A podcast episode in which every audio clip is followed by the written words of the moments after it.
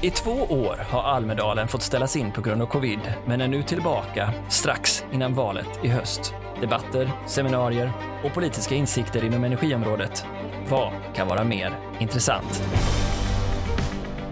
Eh, Johan Svenningsson, VD för Juniper i Sverige. Nu har vi gått två dagar på Almedalen och vi har haft flera seminarier. Bland annat har du varit med på flera stycken där du har gått tillsammans med Svensk Vindenergi och pratat om frågan om kärnkraft, vindkraft, vi behöver allting. Ehm, I vilken mån tycker du att det budskapet har kommit fram och fått genomslag? Jag tycker faktiskt det var mycket mer än vad jag trodde egentligen. Jag har fått väldigt mycket positiv feedback på den debattartikeln som jag och Daniel skrev här. Där vi säger att vi ska sluta tjafsa i politiken, att faktiskt vi i branschen, energibranschen, vi är eniga. Att vi kommer behöva allting, alla fossilfria lösningar.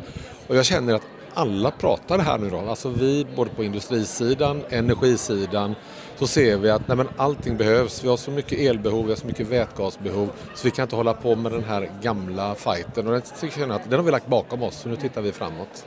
Ja, det är ju egentligen samma diskussion man också hör från de stora industrierna. Mm. Som här i Holmen senast på det här seminariet som säger att för, för oss så handlar det om att tillgodose våra kunder med ett behov som vi ser.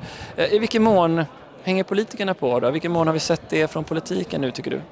Jag tror vi måste acceptera att det är ett valår i år. Och då är det energi, det är politik, politik det är konflikt och det är debatt.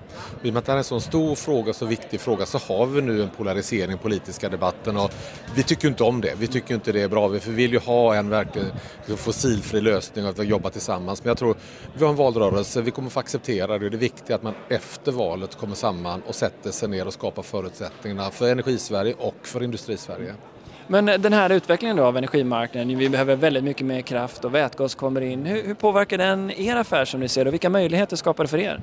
Ja, det är ju jätteroligt. Alltså vara ett stort elbolag, stort vätgasbolag. Vi ser vad behöver marknaden? Ja, det är massor med el, det är massor med vätgas. Det är klart att det är jätteroligt. Och vi har ju en portfölj som är fossilfri idag. Vi har kärnkraften, vi har vattenkraften, vi växer tillsammans med Fortum på vindkraft, på solkraft. Vi har en vätgasportfölj som vi har i hela Europa som vi plockar in i Sverige. Jättemånga spännande projekt. Och vi vet ju vad det här innebär. Vi levererar ju vätgas idag. Vi har jobbat med vätgas länge så att vi vet ju både möjligheterna men också utmaningarna. Så att eh, vi ser ju väldigt positivt på det här. Och hur ser ni på den utveckling som Sverige går igenom nu då med, ja, som många tror, ett dubblerat elbehov? Och vad betyder det för Sverige som ni ser det? Vi har en jättemöjlighet. Alltså vi kommer kunna producera den billigaste vätgasen i hela Europa med det energisystemet som vi har.